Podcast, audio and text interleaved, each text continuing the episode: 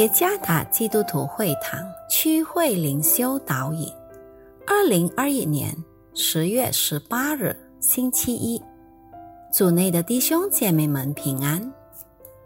今天的灵修导引，我们将会借着圣经以弗所书第二章第一到第三节来思想今天的主题：为认识恩典之前。作者房仁康传道，以弗所书第二章第一节：你们死在过犯罪恶之中，他叫你们活过来。那时你们在其中行事为人，随从今世的风俗，顺服空中掌权者的首领，就是现今在悖逆之子。心中运行的邪灵，我们从前也都在他们中间放纵肉体的私欲，随着肉体和心中所喜好的去行，本为可怒之子，和别人一样。以色列的一名男子被新冠肺炎病毒吓得半死。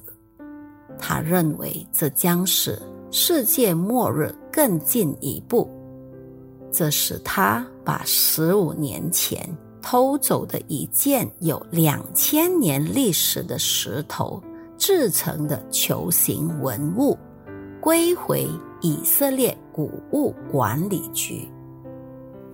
在今天所读的经文中，使徒保罗强调。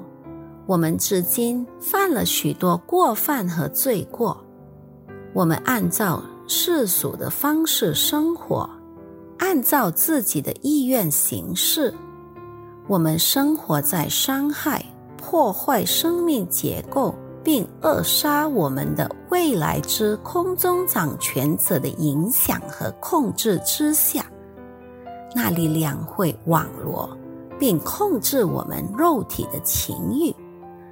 我们顺从肉体的意志和盲目的头脑，我们犯下各种形式的邪恶，就像不听话的人及不服从上帝的人一样。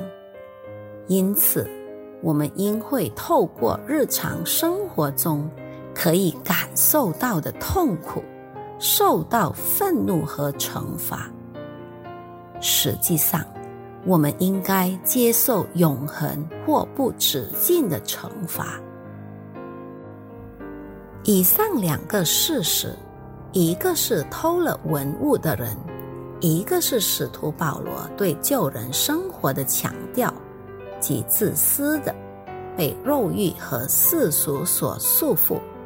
他们都向我们展示了一个人在耶稣基督之外的灵命死亡。肉体表明，人的身体已经堕入最终，趋向于犯罪，被罪奴役。世俗是指与上帝的话相矛盾的世俗原则。这两种性情，即肉体作为内在的元素和世俗外在的元素，已经被撒旦影响。剥削和奴役，但感谢上帝，上帝的怜悯是何等的大，他非常爱我们。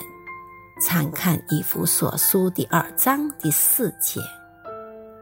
错误的敬拜是在神的真理之外进行的，这是多么危险啊！因此，让我们真正认识并在神里扎根。我们已经认识并经历了上帝的恩典，所以凡藏在他里面的就不再犯罪；凡犯罪的是未曾看见他，也未曾认识他。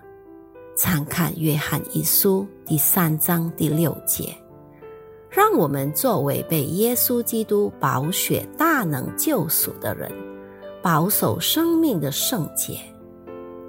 罪和罪的诠释，使人陷入撒旦的网罗，引起恐惧、破坏人的平安，但上帝的恩典宽恕并赐予充足的平安。愿上帝赐福于大家。